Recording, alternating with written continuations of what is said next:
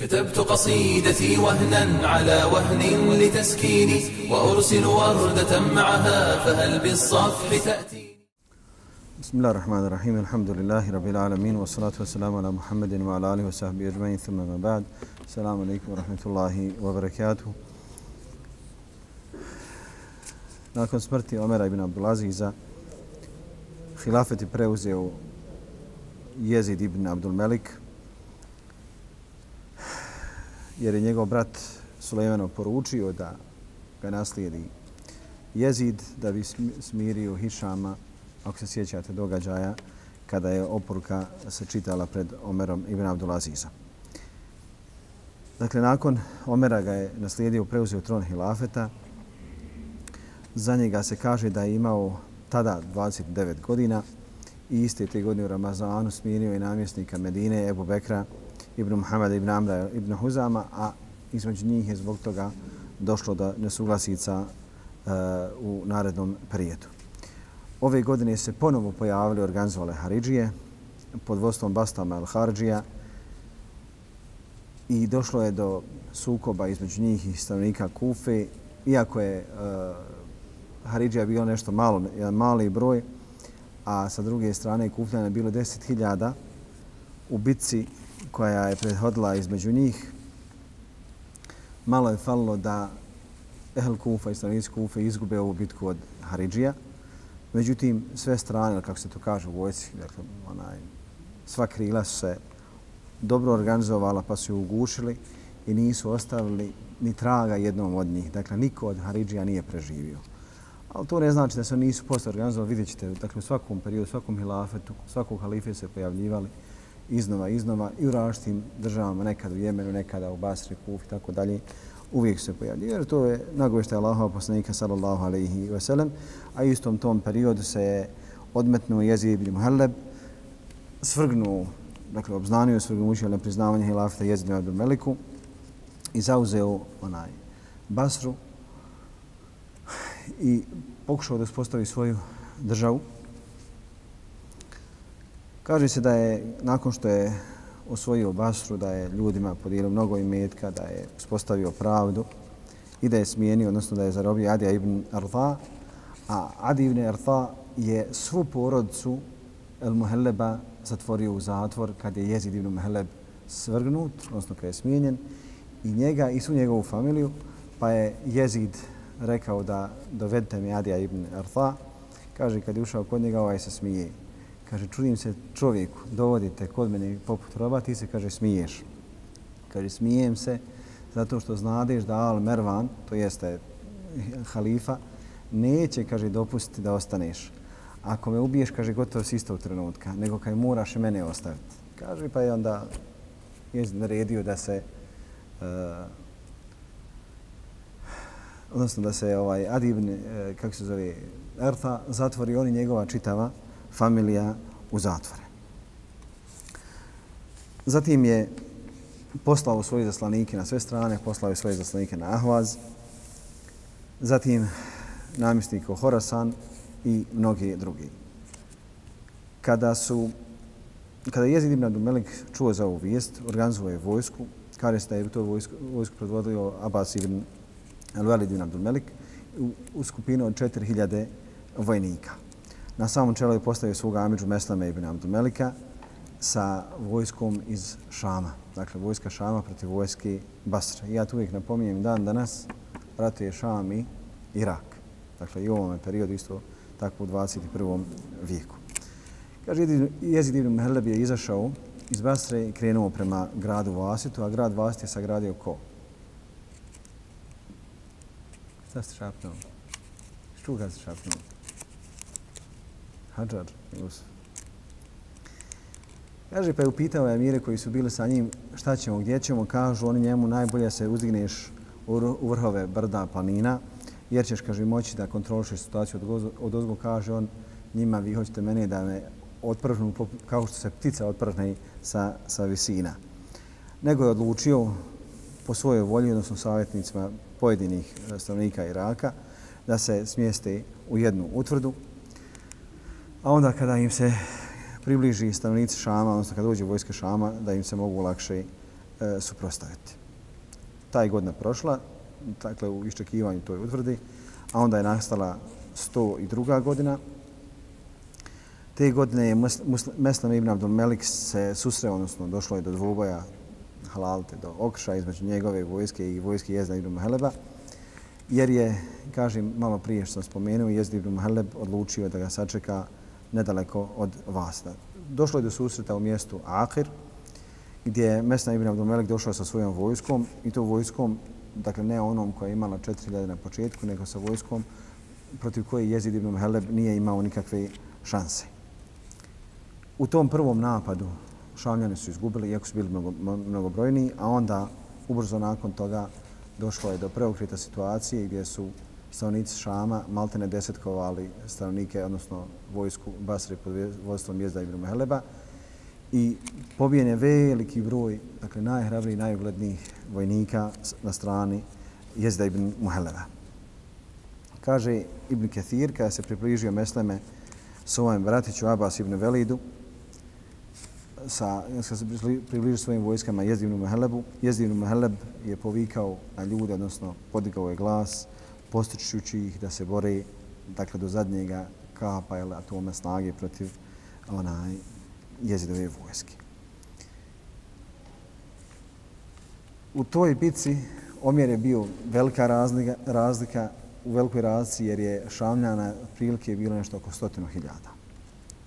Možete zamisliti znači sto hiljada ljudi na vojnom polju protiv nekolicine onaj, kao što je bilo na strani jezida ibn Muheleta. Kaže on njima, borite se da biste ostali u pokornosti Allahu i njegovom poslaniku. Borite se onako kako je došlo Allahu i knjizu suneta Allahova poslanika, sallallahu alaihi sallam. Nemojte dozvoliti da ove zemlje ponovo potabaju tabane njihovih vojska. Nemojte da se vratimo na život kao što je bio život Fasika Hadžađa.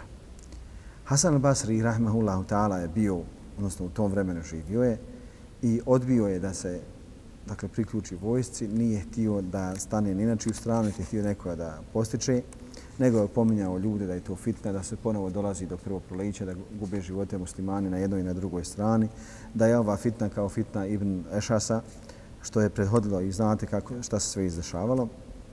Kada je došla, dopla ta vijest o Abdulmelika ibn Muhelleba, namjesnika Basre, on kaže ne slušajte starca zaboravljenog pretvarača, dakle nazvao ga je munafikom.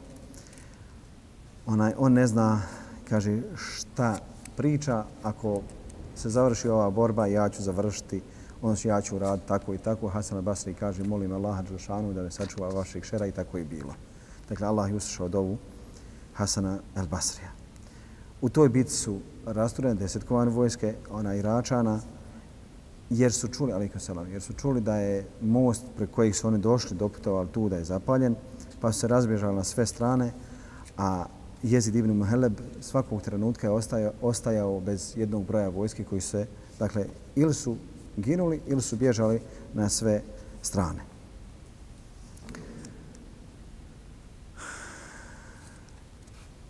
Sa Jezidom je ubijen velik broj njegove braći, dakle ubijen njegov brat Muhammed ibn Muheleb, zatim je ubijen Sumeidija,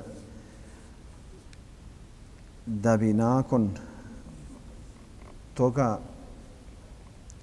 njegov sin od Jezda ibn Muhelleba, uh, Muavija, vratio se sa ostatkom vojske u, onaj, u Vasit i tamo je zarobio 30 ljudi od strane halife. Među njima je bio i namjesnik od Omera ibn Abdul Aziza, Adi ibn Arta, rahmehullah ta'ala, njegov sin, njegov sin i dva sina od Ibn Musmija, Malik i Abdul Melik. Kaže, pa ih je njih 30 sve pobio, dakle, onaj odvojio je glave od tijela i na taj način je smatrao da se osvetio.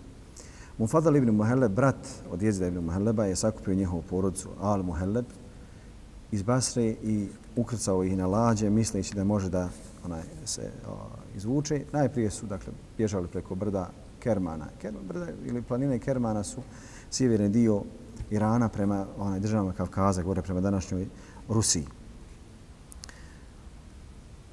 Kažu toj vojsci, odnosno jel, toj njihovoj skupini koju je predvodio Mufadal, nisu računali da će ih susresti vojska pod vojstvom Hilala ibn Mađurija al-Maharibija, a sa druge strane je također došla vojska koja se ona koja je presrela, presrela put pod vodstvom mudrika ibn Vaba el Kelbija. Muškarci su bili svi pohvatani, čak što više onaj devetorca mladića ili dječaka bilo zarobljeno sa, sa ženama i svi su dakle bili porobljeni.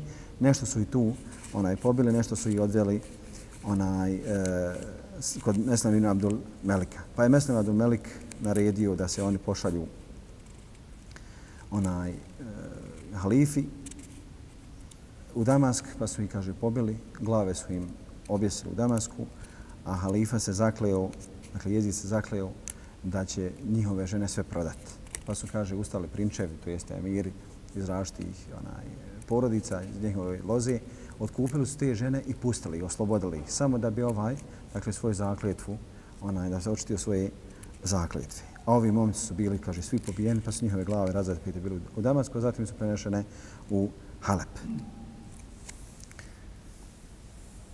Kada je završio borbu protiv Al-Muheleba, Meslem je napisao svom bratu Jezidanu Meliku da je preuzeo namjesništvo nad Kufom, nad Basrom, nad Horasanom gdje je vladao Jezid ibn Muhaleb i ostao je kao njen namjesnik, a posle je postavio svoga zeta Sejda ibn Abdelaziza ibn Harsa ibn Hakema namjesnikom Horasana. U toj godini, istoj godini, došlo je do velikog okša između Hakana, velikog kralja Turkmena, i to nedaleko od Sagada. Mi smo rekli da je Sagad u modernoj istoriji, odnosno modernom našem dobu, koji grad?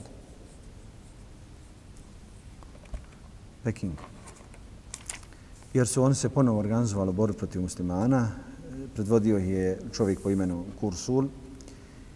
Kaže, pa su došli do palača Al-Bahilija i tamo su onaj opkolili muslimane.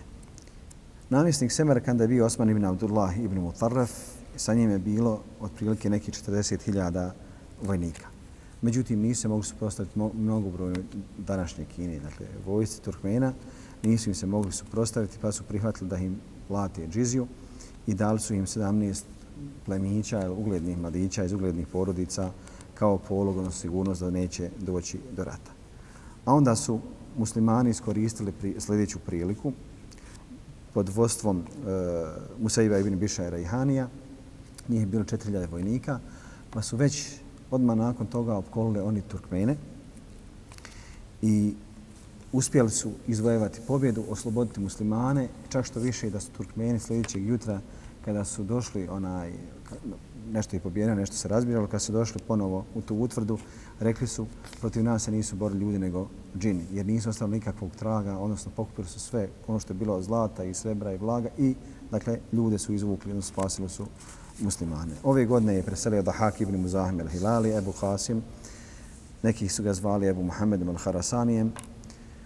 Živio je u Belhu, u Samerkadu, u Neiseburu, bio je jedan od istaknutih tabijina.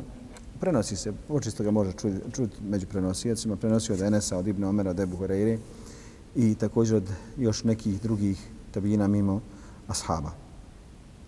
Neki su negirali da je mogao da čuje išta od ashaba, kažu da od Ibn Abasa nije čuo ništa, dakle nije sjedio u njegovom društvu, iako se poklapa njihovo doba od Dahaka Ibn Abasa radijala Anhuma, da su u istom vremenu živjeli nekih sedam godina zadnjih, odnosno zadnjih sedam godina života Ibn Abasa. Imam Seuri kaže, uzmite četvr, tefsir od četvorce ljudi od Mujahida, Ikrime, Sejda ibn Žubeira i Dahaka. Imam Mahmed ga je smatrao povjerljivim, dok je Šuabe smatrao da on nije čuo od Ibn Abasa, nego je, kaže, slušao od Sejda ibn Musaiba, a nije od onaj Abasa. Neki su ga proglašavali da je slab prenosilac, Allah najbolje zna.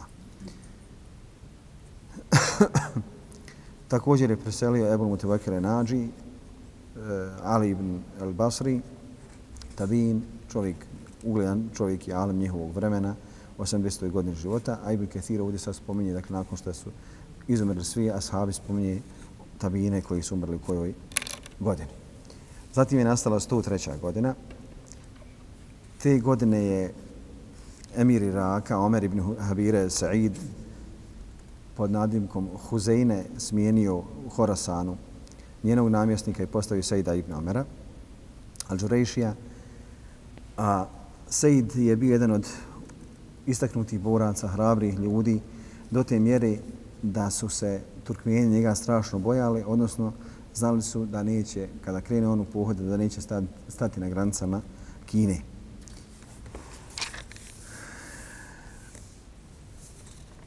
Ove godine od uglednika je preselio Jezid ibn Eslem Eba Ala al-Medini, zatim Mujahid ibn Žbeir al-Meki. Mujahid svima nama poznat kao jedan od najvećih mufesira. Zajedno se uvijek spominje Mujahid i Taus, spominju se u predajama prenosujući od koga od Ibn Abbas. Dakle, sve predaje se vežu za Ibn Abbas jer je bio jedan od njegovih najposebnosti najbliskih prijatelja, rahimahullahu ta'ala. Kaže se također da je bio najpoznat, odnosno najbolji poznavac tefsira u svom dobu, kao i da niko, ni za koga se nije moglo reći da je iskren bio radi Allaha, da je tražio nauk radi Allaha, kao što su to bili Mujahid i Taus.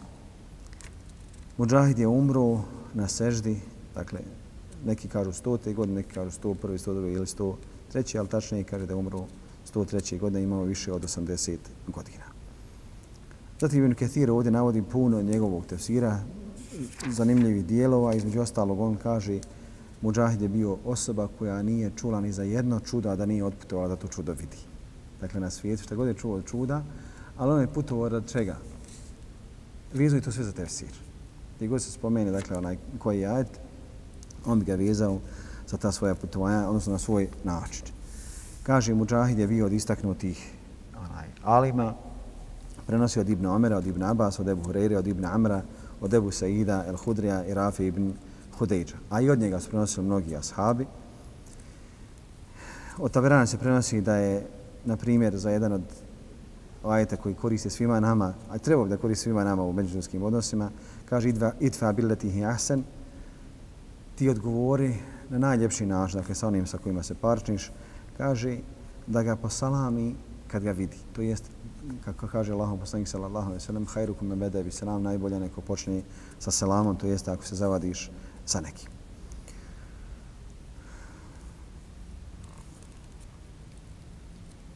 Prenosi od Mujahida da su stanovnici Medine u jednoj, jednoj porodici, kaže, imali su, odnosno bili strašno siromašni, pa su nekako došli do e, ovčije glave. Pa su onda rekli, dakle, članovi porodice, pa su rekli, šta mislite da ovu glavu pošaljamo nekome koji je potrebni od nas? A sami su gladni, ne imaju šta. Kaže, pa su poslali, pa je čita dan kruža dok ponovo najveće nije došla kod njih. Jer je svako smatrao da neko drugi ima potrebni od njih. Od, njih. od muđahada se prenosi da je rekao, nema ni jednog vjernika koji kada umri da neće plakat za njim i nebesa i zemlja 40 jutara. Također od, od muđahada se prenosi kaže stanovnici od Benu Israila, njih stotinu hiljada su otišli na hađ. Kada su došli na granice harema, skinuli su, kaže, svoju obuću da uđu u bosi u harem iz poštivanja prema samom haremu. Također od, muđa, od muđahida se prenosi da je za riječ gdje Allah subhanahu wa ta'ala kaže ثُمَّ لَتُسَلُونَ يَوْمَ إِذِنَانِ نَعِيمِ Vi ćete danas biti upitani za dobrote, kaže, za svaki užitak na dunjalku koji ste okusili. Također se od njega prenosi, kažem, zbog toga što je volio da obilazi čuda, kaže, mrav koji je, koji je razgovarao sa Sulejmanom bio je veličine poput velikog vuka. Također od njega se prenosi u tefsiru da dječaci od naroda Adovog nisu dostizali punoljetnost prije 200. godine starosti.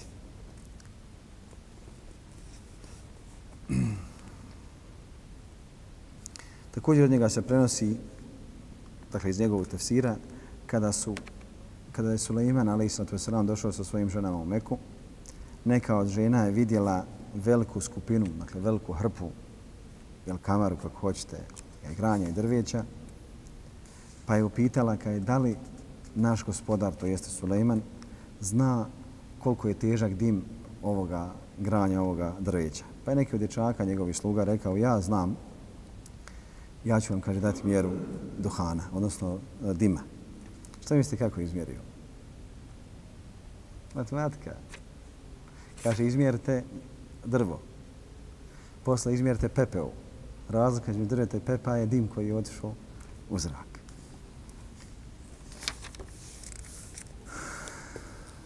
Također od Mujahida se prenosi da je rekao nema ni jednog dana dana Dunjaluka koji kada prođe kaže hvala Allahu koji me je spasio od Dunjaluka njegovog ili njenog stanovnika, njegovog, njegovog, njegovog stanovnika. Zatim, je se, kaže, zatim bi se taj dan zatvorio i stavljen bi na njega pečat sve do sudnjega dana. Muhammed ibn Humeid kaže, prenosi se Abdullah ibn Abdul Kudusa od Ameša, kaže, Mujahid nije čuo ni za kako čuda da nije otišao da ga on vidi. Otišao u Hadrameut da vidi e, bunar ili jamu Berhuta. Bunar Berhut jedna velika jama, odnosno jedna, kako da kažem, rupa u, u Jemenu, otprilike stotinjak metara široka, 250 duboka. Zato se rupu smatralo da tu sakupljaju se duše nevjernika, da će odatle nevjerničke duše biti proživljene za sudnji dan. Dakle, kad se krene prema Mahšaru, to jeste iz Jemena, kad se krene prema Šamu. Pa je o tome govorio i zbog ružnog odnosno jel, vonja ili neugodnog mirisa koji se širio iz te rupe. Kaže se za njega da je tražio, da je otputao u Babilon i zatražio od tamošnjeg svog prijatelja da ga odvede, da mu pokaže Haruta i Maruta. Kaže, pa je ovaj pozvao jednog od sihirbaza i kaže, od, idite kod toga i toga, on će vam pokazati je Harut i Marut. Pa jedan čovjek koji je trebao odvesti, u stvari bio je jevrej, i ovaj jevrej kaže, ja ću ti kaže, odvesti kod Haruta i Maruta, ali ne smiješ spomenuti Allahovo ime. Kaže, kad su ušli u, u tu kulu gdje su onaj, bile Harut i Marut zatvoreni, bili su zakačeni na opački nogama prema gore, glavama prema dole, kaže, vidio je poput dvije velike planine. Kaže, subhanallah, kako ih je stvorio. Kada tog trenutka se zatresla brda, a kad mogu misliti da se brda, odnosno planine cijelog svijeta zatresle i pali su oba dvojica u nesvijest. Pa se onda, kaže, probudili, prije se probudio jevrej, prije muđahida, kaže, šta je s tobom, ja sam ti rekao, nemoj spominjati Allaha. Kaže, mogu sam izgubiti život rad tebe, a i ti, kaže, zajedno sa mnom. Allah da vam se smio Mujahid je znači bio plahoradov znao. Kaže Mujahid, družio sam se sa Ibn Omerom na njegovim putovanjima, pa kad sam htio da se poprijem na svoju jahalcu, on bi je uzeo za povodac i onda bi mi popravio odjeću. Znate kad neko uzjaši da mu se popravi odjeća pozade obično. Kaže, popravio bi mi odjeću. Kaže, pa je primijetio Ibn Omer da mi to ne odgovara. Kaže Ibn Omer, onaj, uskogrudan si. To jeste, ne imam nikakve smetnje da ja tebe onaj, e, počastim. Kažu u jednoj drugoj predaji, htio sam ja njega da služim, a on je meni služio. Imam Ahmed svojim lancem također prenosi od Mujahida da je rekao zemlja je poput jedne tepsije za meleka smrti, on sa nje uzima sa svojim pomagačima kako hoće.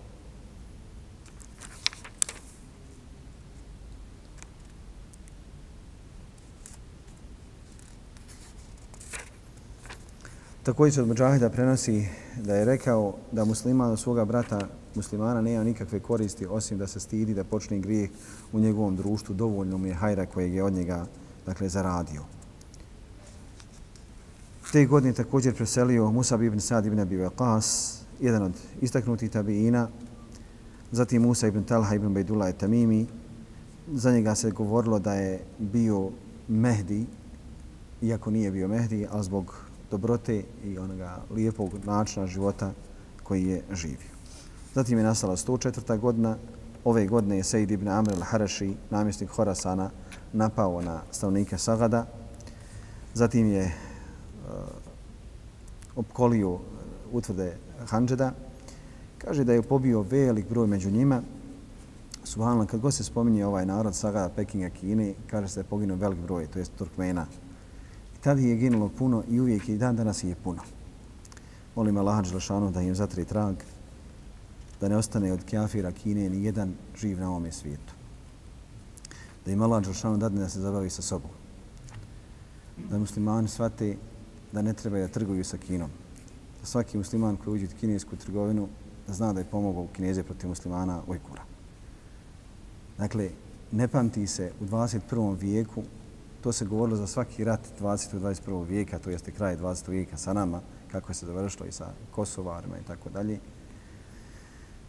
da se činila veća nepravda ko što čine kinezi muslimanima Ujgura. A ima ih 200.000 muslimana. Halalte, ima ih 200 miliona muslimana, nisam se dobro odrazio. Isto se dešava i u Indiji. Indijska vlada je donijela fašistička indijska vlada, mada mi nemamo sad ima plaho veze, ali možemo i mi kao Bosna ne možemo utjecati. Donijeli su odluku da se oduzme državljanstvo svima onima koji ne mogu da potvrde državljanstvo nakon 1972. godine. Dakle, se oduzme svim muslimanima državljanstvo. I da niko od, muslim, da niko od doseljenika ne može primiti, odnosno dobiti državljanstvo Indije. A onda su, pošto je to dakle, svojstvo ljudi kad donose zakone, mimo Allaha Đelešanuhu, kad su shvatili da su sami sebi zabili nož u leđa i da taj zakon znači da 70% hindusa ne može dobiti državljanstvo, onda su istakli dakle, u tom zakonu, kažu da samo se taj zakon odnosi na muslimane. Onda su onaj obznanili. Međutim, došlo je do demonstracija od strane muslimana i nemuslimana koji se ne slažu sa tim zakon, zakonom, je to se radi o velikom rasizmu. Onaj, I zato kaže, molim Allaha Đelšanu da ih uništi, da ih ne uputi na pravi put Biće više onaj mjesta u džennetu za muslimane. Kaže da ih je Mašala pobio mnogo, a zatim je napisao Jezid ibn Abdumeliku, halifi, koji ga je postavio dakle, kao namjesnika Horosanu i da se bori protiv stanovnika Kine, napisao mu kao izveštaj šta je uradio. Ove godine Jezid ibn Melik smijenio Abdurrahmana ibn Dahaka ibn Kajsa, namjesnika Haramejna, to jeste Mekke i Medine. Razlog tome je bio da je zaprosio Fatimu bintu Husein, pa je ona odbila, on je stalno navaljivao na nju, dok nije napisala pismo Jezidu ibn Abdul Meliku, da je napada i da je udara na čast time što je non stop prosi. Pa mu je, kaže, Jezid poslao Abdul Wahida ibn Abdullaha Nadrija, namjesnika Tajfa, da ga smijeni i da ga isprebija, odnosno da ga bičuje i da ga dobro isudara kaže ovako, izudaraj ga da iz Meke ili iz Medine gdje ga nađeš, čujem njegov glas u danas kako plače. Kaže, tako je i bilo. Naredio me da uzme mu sav njegov imetak, kaže da mu je, da je zarobio za plinu kod njega 40.000 dinara. Šta je bilo razlog tome svemu? Kad je Abdurrahman ibn Dahak ibn Qajs postavljen kao namjesnik Mekke i Medine, prvo što je rečeno kad je došao u Medinu, da traži savjet za svaki postupak od učenja, učenaka Al-Faki i Medine. Da ništa ne radi dok njih ne upita. Kaže, zbog njegove oholosti nije htio slušati nikoga, niti htio šta koga pitati. I u te tri godine svoje vladavine i nekoliko mjeseci onaj, zloupotrijebio je svoj položaj do te mjere da su ga svi stavnici Medine zamrzili, a pjesnici su pjevali o njemu pjesme u kojima su ga kudili. Nikad ga niko nije pohvalio. Džarah ibn Abdullah el-Hukmi ove godine namjesnik, kao namjesnik Jermenije napao na Azerbejdžan, zatim na ostale države, okolne države Turkmena. Osvojio je Belenđer. Belenđer je jedno mjesto također prema Kavka, današnjim kavkarskim eh, republikama. Zarobio je mnogo roblja od žena i od djece i osvajao palač po palaču, utvrdu po utvrdu, grad po, po grad i u tom svom pohodu se susreo sa onaj, eh, Hakanom, kraljom Turkmena i u toj bici je Hakan izvukao onaj deblji kraj i Džarah ga je ubio. Alhamdulillah. Kad god sad čujem da je kinez kakav pogled, reću Alhamdulillah. Ove godine je preselio Halid ibn Sa'dan el-Kelai, tabijin koji je prenosio mnogo predaja od ashaba, ubrajao se među uglednike ili istaknute alime svoga vremena, za njega se kaže da je svaki dan 40.000 puta znao onaj donijeti tesbih što se kaže subhanallah, alhamdulillah, Allahu ekber i svaki dan je postio. Također za njega se kaže da je svaku noć učio trećinu Kur'ana, a da je predvodio teraviju namaz ustavnicima Himsa. Zatim je također preselio Amir ibn Sa'd ibn Abi Waqas al-Laythi, Tabin, zatim Amir ibn Šarahbila Šabi. E, također Šabi jedan od poznatih tabina, istaknutih tabina ili alima Kufe, bio je imam Hafiz čovjek koji se susreo sa mnogim ashabima i tabinima svoga, dakle, vremena. Ebu Milžez kaže, nikada nisam vidio nekoga učenika kao što je bio Šabi. A Makhul kaže, nikoga nisam vidio da poznaje sunnet Allahova poslanika sallallahu alaihi sallam kao što je bio Šabi. Također Ebu Burda ibn Ebu Musa, ibn Ebu Musa Lešari bio je kadija u Kufi prije Šabija. Zatim Ebu Kulabe al-Džurmi, Abdullah ibn Yazid al-Basri, čovjek koji je također prenio mnogo predaja od ashaba Allahova poslanika sallallahu alaihi wasallam. Zatim je nastala 105. godina. Džarah ibn Abdullah al-Hukmi je napao na sjever današnjeg Kavkaza, osvajajući mnoge utvrde, porobeći mnogu, mnogu djecu i žene Turkmena. Ove godine je Muslim ibn Sa'id napao također na Turkmene, e, okružio ih je, odnosno kolio je čitav, čitav uh, e, pokrajinu E, današnjeg Pekinga, to je tadašnjeg Sagada. Namjesnik, odnosno kralj Sagada je pristao da mu daje onaj džiziju i da ih ostavi na miru. Ove godine je također Said ibn Abdumelik ibn Mervan e, poveo rat protiv e, Bizantijaca. Kaže se da je kao izvidnicu poslao jednu onaj, jednu skupinu vojni, od hiljad vojnika. Kaže, svi su izginuli na tom putu. Petog, odnosno halalte, pet dana preostali od mjeseca Šabana, te godine je preselio Jezid ibn Abdumelik ibn Mervan u Irbidu u petak, a imao je prilike 43 godine. Jezid ibn Abdumelik ibn Mervan, Ebu Haled il-Hureš il-Emeo Emirul Amirul Mu'minin, Njegova mati je bila Atika bint Jezid ibn Muavije. Kaže se da je bila ukopana pored kabura Atike, pa da se taj kabur pripisuje nju, Allah najbolji zna dat mu je, data mu je prisega na hilafet nakon Omera ibn Abdulaziza po oporuc njegova brata Sulejmana. Pet dana pred sam kraj Ređepa, kao što smo o tome i prije govorili. Od Zuherije se prenosi da je rekao musliman nije naslađivao kjafira, niti kjafir muslimana u vrijeme Allahova poslanika sallallahu alaihi sallam u vrijeme Ebu Bekra, ni Omera, ni Osmana, ni Alije. Kada je hilafet preuzeo Muavija, musliman je naslađivao kjafira, ali kjafir nije muslimana. Pa sto, kaže na, na halife, nakon njega preuzeli u praksu. Kada je došao Omer ibn Abdulaziz, dokinuo je to pravilo, vratio ga na pravilo Allahova poslanika sallallahu alaihi sallam da musliman ne naslađuje kjafir, niti kjafir muslimana. Kaže, pa ga je u tome islijedio Jezid ibn Abdul Melik, a kada je Hišam preuzeo vlast nakon njega, vratio se je na običaj prethodnih halifa, to jeste da musliman nasljeđuje od kjafira. Kaže se jednom prilikom također da je ušao kod Mekhula, Jezid ibn Melik ibn Veran, ušao je kod Mekhula, pa je Mekhul rekao nek se niko ne miče sa svoje halke, nek sjedne tamo gdje ima mjesta. Kaže nek se nauči da bude skrušan, bio halifa. Jezid je prije nego što je preuzeo hilafet se mnogo družio sa ulemom, sjedio u njihovim halkama i imao je namjeru da se da ide putem Omera, ili stopama Omera ibn Abdulaziza. Međutim, loše društvo i njegovi prijatelji nisu ga ostavili na miru, nego su mu uljepšali zulum. Kaže se da se kod njega ušli jedan po 40 uglednika šejhova koji su, mu, koji su ga ubjeđivali da halifa ne može imati grijeh ni će polagati račune na sudnjem danu. Čak što više nesi, neki su ga optuživali da je napustio Allahov vjeru zbog svojih mnogobrojnih grijeha. Međutim, Ibn Kathir to negira i kaže to nije tačno, nego je to bio njegov sin Velid Ibn Jezid. A o njemu će, kaže, doći kasnije govor.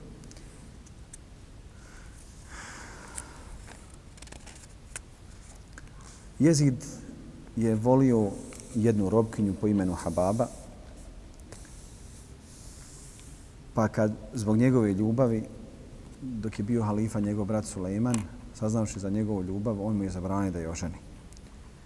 Kad je preuzio on tron, pita ga njegova žena, jel ti kaže, ja emir al mu'minini, jel ti ostala bilo kakva želja od dnjalka da ti nije ispunjena ko halif? Kaže, jeste.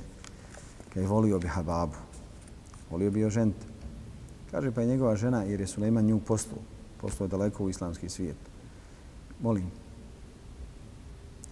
je Suleiman je naredio da se ona odvede daleko, pa je ova njegova žena od jezida Ibn ovoga Abdul Melika zatražila da je nađu, da je dovedu. Pa je uljepšala i ponovo ga pozvala u onaj oda i kaže na njemu jel ti šta ostala od Dunjalka, kakva želja? Kaže, rekao sam ti, neki dan sam me to pa je pitala. Kaže, evo ti. Ja ti, kaže, poklanjam. Kaže, imam još jednu želju. Kaže, koju želju? Kaže, volio bi da se igram sa njom u palači sam. Da nema nikoga. Kaže, ispunit ćemo ti želju. Pa su ispraznili palaču. Dakle, niko u palač nije ostao. Kaže, pa su ležali njih dvoje i on je njoj bacao grožice u usta. Jedna grožica je zapne u grlo i ona umri. Sad ste vi šta će vama ispričati. Istorija divlj kefire, braći. Kaže Ibn Kathir, rahmehullahu ta'ala, neprekidno. Dakle, nije se odvajao od nje i nakon njene smrti do te mjere da je tijelo pošlo se raspada. Pa su ga morali, dakle, ubijediti da je moraju zakopati, da nema pravo da skrnavi njeno, odnosno nema pravo da njeno tijelo čeka na dunjalku.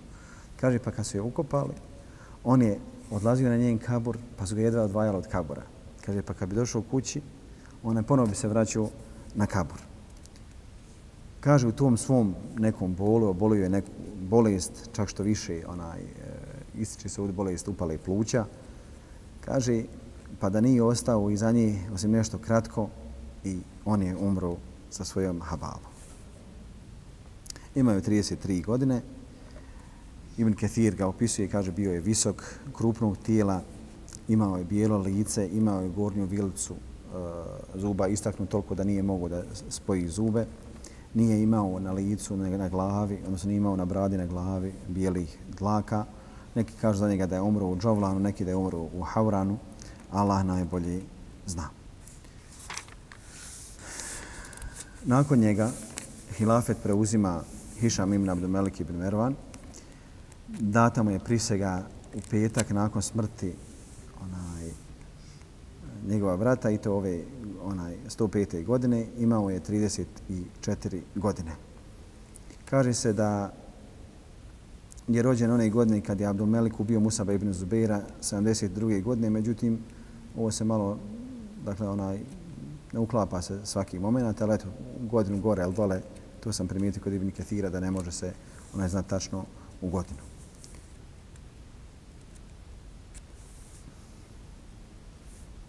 Kaže da mu je saopćena vijest za hilafet dok je bio u Dejsuni u svojoj kući, pa mu je došao e, onaj pismonoša, donio mu štap i pečat, odnosno prsten pečat halife, pa ga i odnosno prenio mu da je on preuzeo hilafet nakon svoga brata. Ostavio je namjesništvo Iraka i Horasana, a kao svog namjesnika postavio Halda ibn Abdullaha al-Kusarija. Znate ko je Halda ibn Abdullaha al-Kusarija? On je poznat nekada vezan je za Džehma ibn Safvana. Dakle, za Bajram on ga je kurbanio, ali o tom ćemo pričati kad dođe Bajram taj, spomenu ga Ibn Kathir. Jer Džehm ibn Safvan je proširio teoriju da Allah nema imena, da Allah nema svojstava. Jer to bila njehova teorija i kod Motezila i kod svih sekti koji se kotla jedna od druge, dakle od Haridžija Mu'tezile, od Mu'tezila Kulabija, od Kulabija Ešarije, od Ašarija Maturidije i tako dalje. Dakle, sve sekte naslađivala sektu i razrađivali su kakve teorije. Jedni su skraćivali Allahu imena, jedni svojstva, drugi su pripisivali Allahu svojstva bez imena, neki su, neki su rekli da ima Allah imena, da nema svojstava, pa neki su rekli da ona ima svojstva koja nisu njemu svojstvena, pa su rekli se mija bila sema, da sir bila basar, da je on da čuje, a nema sluha, da vidi, a da nema vida i tako dalje. I onda Džehmi ibn Safvan je negirao sve. Džehmi ibn Safvan. Džehmi je poznata skupina Džehmija i Halid ibn Husar i klanju Kurban Bajram. I kaže on sam im bere, kaj je taqabala Allah da hajaku. Molim Allah da ukabuli vaše kurbane. Kaj ja danas da kurbanim Džehma ibn Safvana, sišao sam im i kurbanio ga ispod minbere. Allah je rahmu. Eban ibn Osman, ove godine je preselio Eban ibn Osman ibn Affan, Za njega Ibn Kathir, kada je spominjali smo ga da je preselio 85. godine, bio je jedan od fakiha, tabiina i alima, a Allah najbolje zna tačnije da je preselio ove godine. Zatim je nastala 106. godina. Te godine je Hišam ibn Abdul Melik smijenio namjesnika Medine, Mekke i Tajfa, Abdullah ibn Abdullaha, a postavio e, svoga tečića Ibrahima ibn Hišam ibn Ismaila el-Mahzumija. Te godine je došlo do ratova protiv Rimljana, protiv Turkmena. dakle, do velikih onaj, e, ratova. Kao što sam malo prije spomenuo, u tim ratovima Džarah el-Hukmi je ubio Hakana u jednom od, jednom od svojih po, povoda. Ove godine je preselio Salem ibn Abdullah ibn Omer ibn Hatab, Ebu Amr, Fekih il Fahih, uglednik, pravnik, alim, prenosio od svoga oca i od mnogih drugih. Također preselio je Taus ibn Kejsan el Jemani, jedan od velikih prijatelja Ibn Abasa, jedan od terđumana, takozvanih terđumana Kur'ana ili živih, hodajućih tumača Kur'ana, tefsira. Tavus je bio Ebu Abdellah Rahman, odnosno Ebu Abdelrahmana Tavus ibn Kejsan al-Jemani, jedan u prvom spratu tabijina, dakle nakon ashaba odma. Bio je Perzijanac porijeklom, onaj koji je Kisra poslao u Jemen. Taus je do, se susreo sa nekolicinom ashaba, prenosio je od uglednika, od imama. Bio je poznat po zuhdu, subtilnosti, nauci, korisnom znanju, dobrim dijelima. Susreo se sa otprilike oko 50 ashaba, prenosio je najviše od Ibn Abasa, a od njega mnogi ashabi i njegovi dakle, savremenjaci. Od njih su bili Mujahidi, Ata, Amr ibn Dinar, Ibrahim ibn Mejsere, Ebu Zubeir, Muhammed ibn Munkedir, Munkedir, Dahak i mnogi drugi. Taus je preselio u Meki dok je bio na hađu. Klanjao mu je dženazu Hišam ibn Abdumelik. Neki kažu da je preselio na Mine, neki kažu da je preselio na Muzdalifi.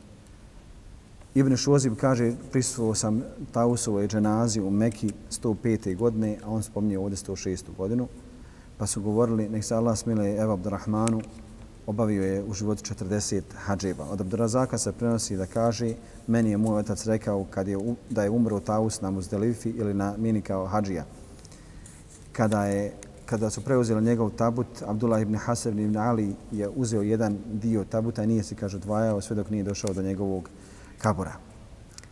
Ibn Jarir kaže, rekao mi je Alfa, došao mi je Taus, pa mi je rekao, o Alfa, nemoj nikada svoje potrebe govoriti pred onima koji ti mogu zatvoriti vrata pred licem i mogu spustiti svoje store pred tobom. Uvijek traži od onoga čija su vrata otvorena do sudnjega dana, traži od onoga koji kad zoveš, on će se odazvati na tvoju dovu. Imam Ahmed kaže, prenosi nam Ebu Thumeile od, Ebi, od Ibn Ebi Dawuda, vidio sam Tausa i njegove prijatelje kada bi se skupili da klanjaju ikindiju, i nakon što bi predali selam od Ikindije, nisu razgovarali ni sa kim sve do akšama. Posvjetili bi se dovi ili moleći Allaha Đelešanu. Jedan ga je čovjek upitao, to je Taus se upitao neku meselu pa je rekao, odnosno e, Taus se okrenuo glavu od njega pa on kaže ja sam tvoj brat. Kaže, zar Allah nikoga nije dao od volkog njalka drugog brata osim tebe? Jer Taus je bio žestok. Vidite njegov susret sa halifama, šta je halifama onaj govorio rahmehullahu ta'ala. U jednoj drugoj predaji je neki od Haridžija mu prišao pa ga je Taus dakle isto tako ignorisao pa on kaže ja sam tvoj brat, kaže zar među velikim muslimana ti da mi budeš brat.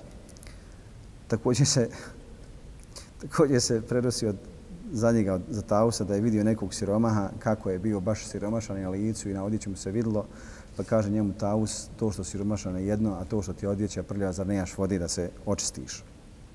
To znači da nije šutio nikome.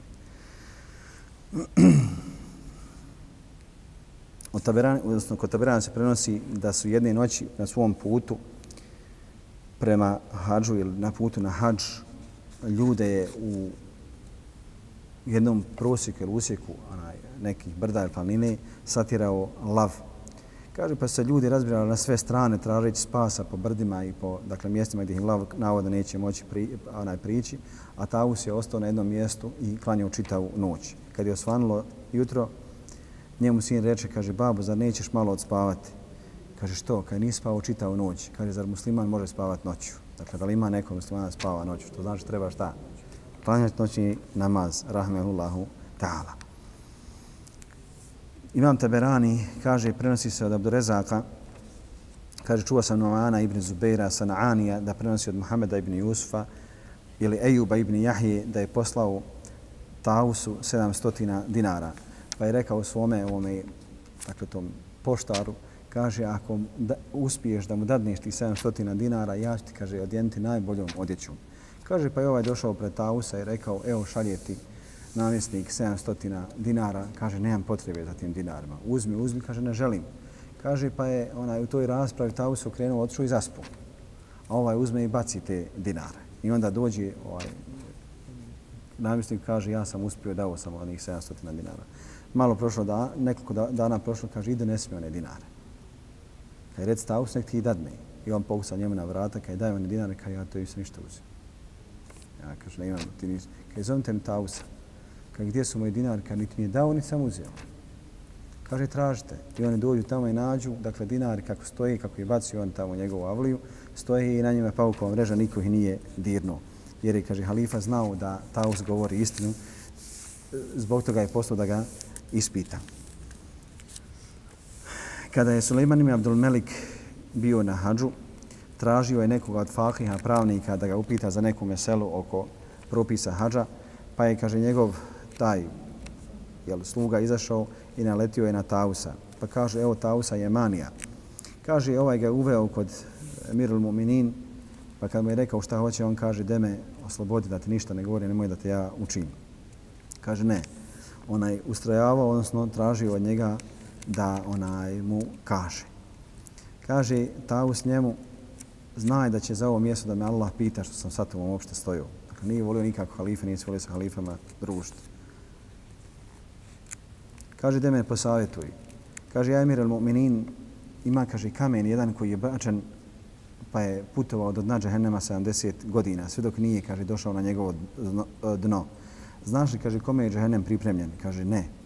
Kaže, teško tebi bilo, Allah ga je pripremio onome kome Allah Đalšanhu dadne vlast, a on kaj pronevjeri tu vlast. Kaže Suleiman, date Bog da ništa nisam pitao.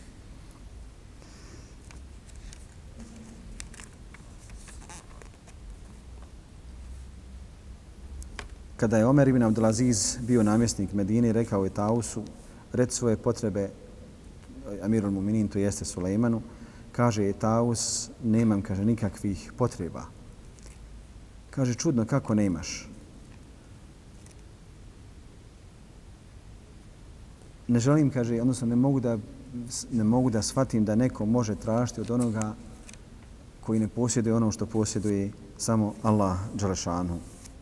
To jeste, ne može moje potrebe od dženeta upotpuniti. Kaže se da je sin od Sulejmana ibn Melika došao i sjeo pored Tausa. Taus mu nije, kaže, onaj dao pažnju. Onaj, pa kada je otišao, rekli su, znaš da je pored tebe bio halifin sin. Kaže, nek, je, nek nauči i on i njegov otac šta znači iskrušenost i skromnost.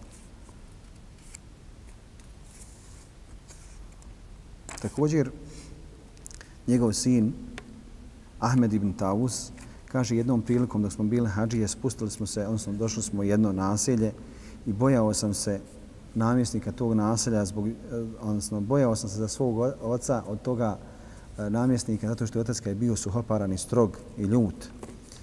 Kaže, pa smo zatekli Muhameda ibn Jusfa, brata od Hadžađa ibn Jusfa, po imenu Ajuba ibn Jahja.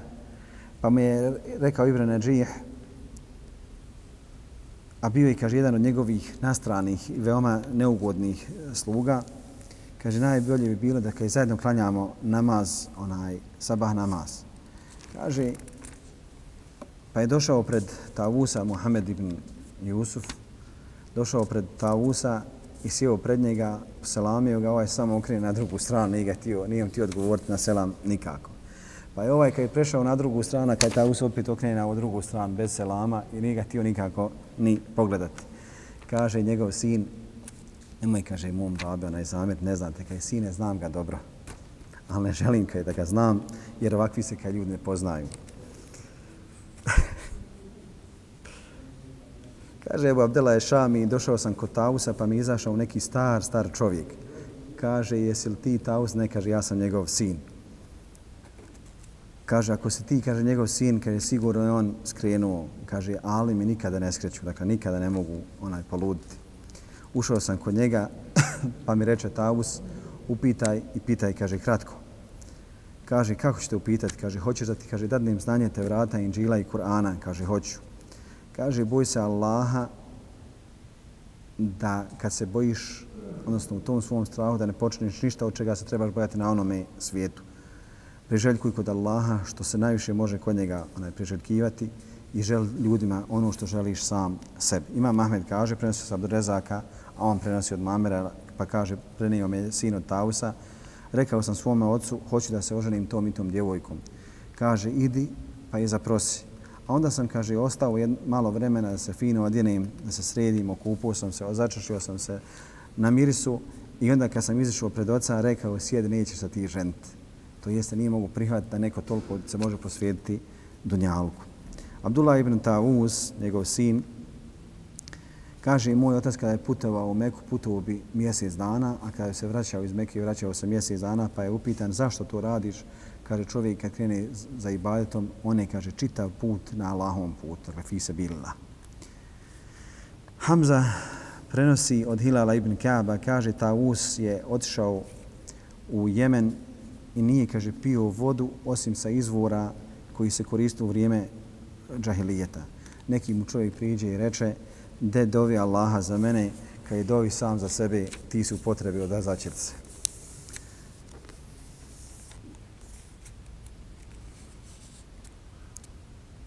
Kaže Tavu svome sinu, kada me spustiš u kabur i kada me pokopate, pa ako ništa u kaburu ne zatekneš, zahvali se Allahu. Ako me zatekneš u kaburu, samo kaže reci ina lillahi wa ilaihi rađiun. Kaže Abdullah. Prenosi im, kaže, neka njegova djeca da su otišli u kabur, dakle, svoga oca i da u kaburu nisu našli ništa. Kaže se za njega, odnosno prenosi od njega da je učio dove gospodaru moj, uskrati mi mnoštvo imetka i djece podar mi, kaže, iman i dobra djela. Od njega se, dakle, prenosi od Ibn Tausa, dakle, on prenosi od svoga oca, dakle, poznata predaja često se citira, kako šeitan zavodi ljude, pa kaže, neki čovjek je liječio bolesnike i luđake od Benu Israila. Među njima je, kaže, poludna jedna lijepa, poludla jedna lijepa žena, pa je njena familija ostavila kod njega da se liječi a ona, se, ona mu se, kaže, svidjela pa ga je šeitan naveo da počne blud sa njom, a onda kad je zatrudnila, šeitan ga nagovor u snu da je ubije da se ne osramoti. Kad je ubio i zakupo, došla njena familija tražeći a on im reče, umrla je u tom svom ludilu, nisam je mogao izliječiti. Pa je onda kad je šetan došao njima u san i šapnuo im i rekao, ona nije umrla, on je ubio na takvom i takvom mjestu. Kaže, pa su došli kod njega i zatražili da im pokaže gdje je ona, dakle samo da je prenesu dakle, njeno tijelo. Kada su našli, vidjeli su na njoj tragove, odnosno vidjeli su dijete u njenom stomaku. Kaže pa su ga onaj, stavili u zatvor, a onda je šetan došao njemu i rekao ja sam tvoj stari prijatelj, samo kaže uznevjeruj Allaha, povjeruj u mene, ja ću te spasti. Kaže ta us, ne znam da je za nekoga drugog spuštena ovaj ajd i Allah subhanahu ta'ala kaže poput šetana koji kada kaže čovjek počine nevjerstvo, on počine nevjerstvo, a šetan mu kaže ja se tebe odričem, ja se bojim Allaha, gospodara svjetova. Također od njega se prenosi da je jedan čovjek od Benu Israila imao četiri sina, pa kad se razbolio, jedan od njih reče ili ćete, kaže, da liječite svoga oca i da nemate nasljedstva, ili da ga ja liječim pa da nemam nasljedstva. Kaže, pa su onaj, pristali da ga ja liječim, da ga ne naslijedim. Kaže, kada je otac umro, ja sam ga ukupao i vratio sam se onaj svojoj onaj ženi i usnio sam u snu da na takvom i takvom mjestu se nalazi stotinu dirhama, to jeste halal, halalte, stotinu dinara zlatnika. Pa sam ispričao svoj san svojoj ženi, a ona kaže, idi bolan. Kaj neću, u snu mi je rečeno da su ti dinari zlatnici bez beričeta. Kaže, pa sam drugu noć usnio sličan san u kojem se govorilo mi, idi na to i to mjesto, naćeš kesu sa 10 dinara. Pa sam opitao, jesu li beričetni? Kaže, nisu bez beričeta, nisu blagoslovljeni. Kaže, pa sam ispričao san žene, a ona kaže, idi u potrebi smo, idi uzmi 10 dinara bez beričeta. Kaže, ne. Pa je usnio treću noć, kaže, dođi na takvo i takvo mjesto, uzmi na tom i tom mjestu dinar. Kaže, ima li u njemu beričite? Kaže, ima.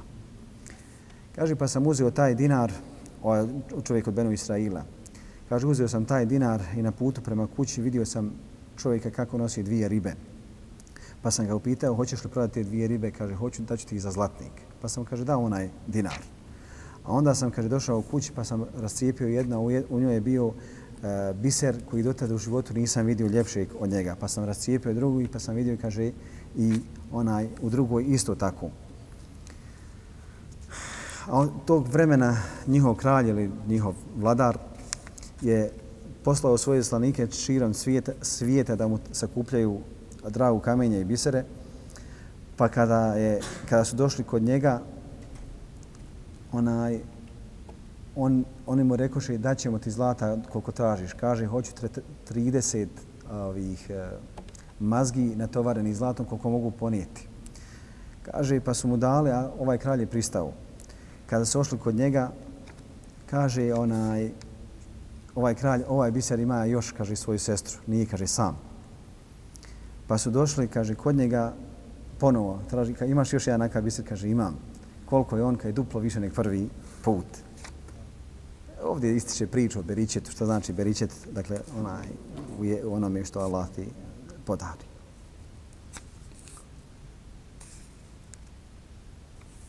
Kaže ta vuz, prenosi od njega da je rekao da neće se, da se hađ momka ne može upotpuniti sve dok se ne oženi. Također je govorio, pa kaže, govorit vam kao što je govorio Omer ibn Hatab, oni koji se ne žene ili su nesposobni da se žene ili su, kaže, griješnici.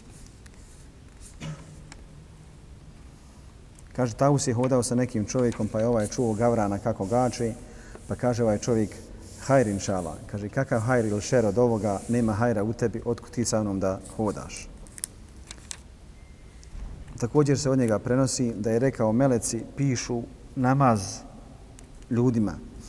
Pa kažu, dodao je namaz tako ili tako, ili odzeo od namaza i tako i tako, a uvijek se, kaže, zapisuje najviše ono što je na ruku, o skrušenosti i na seždi kada je vatra, o sve su dakle predaje od Tavusa, kada se vatra, kaže, stvorila, melec se, kaže, prepali. A kada je stvoren Adem, melec se smirili. Kada bi čuo gromove, Tavus bi rekao, Subhane men sebahat leh. Neka je očanstven onaj koga veličaju, veličaju gromovi. Kaže Tavus Ebu Neđihu, o Ebu Neđih, onaj ko kaže čovjeku boj se Allaha je bolji od onoga koji se boji Allaha i šuti. Neku ili jedne noći je Tauz došao nekom čovjeku iza pola noći pa su mu rekli spava, kaže on zar može neko spavati u ovo doba. Jedne noći, kao što stoji dakle, u predaj kod imama Ahmeda od Abdurezaka, pa kaže prenosi se da je Taus, jedne noći klanjao, bila je hladna noć, poslije onaj akšama, halal te posle jacije, pa je prošao Muhammed ibn Jusuf, namjesnik Jemena, sa svojim slugama, prat od Hadžada ibn Jusufa. Sa, Taus je bio na seždi, bilo je strašno hladno, pa je naredio da se donese veliki prekrivač da se prekrije Taus. Taus je klanjao kad je završio svoj namaz, bacio je na grtač sa sebe, predao salam ustavu, nije se okrenuo ni na ono namjesnika, ni na ono čime ga je on pokrio. Kada Imam Ahmed čuo predaje od Tausa da meleci pišu i jecanje bolesnika, kaže Imam Ahmed kada mi je došla e, smrtna bolest, nije mu se čuo glas. U svojem vremenu Taus je vidio neke momke od Kurešija kako se urču dok hodaju. Pa kaže on, o momci, odjeća vam nije kao odjeća vaših očeva, niti hodate kao, kao što su, kaže, vaši očevi hodali, hodate, ponašate se kao da ste na svadbi. Od Ibn Abasa se prenosi Allahu poslanik sallallahu alejhi ve rekao također dakle u predaj prenosi ta us da je poslanik sallallahu alejhi rekao najljepši kirajet kirajet Kur'ana kada ga čovjek uči tužno. Koji je najtužniji učač? Ma naše vremena što ga slušamo. محمد بن صديق النشاوي نيكو توجينا وجي وصلى الله على سيدنا ونبينا محمد وعلى آل محمد وجزاكم الله خير الجزاء. كتبت قصيدتي وهنا على وهن لتسكيني وأرسل وردة معها فهل بالصفح تأتي؟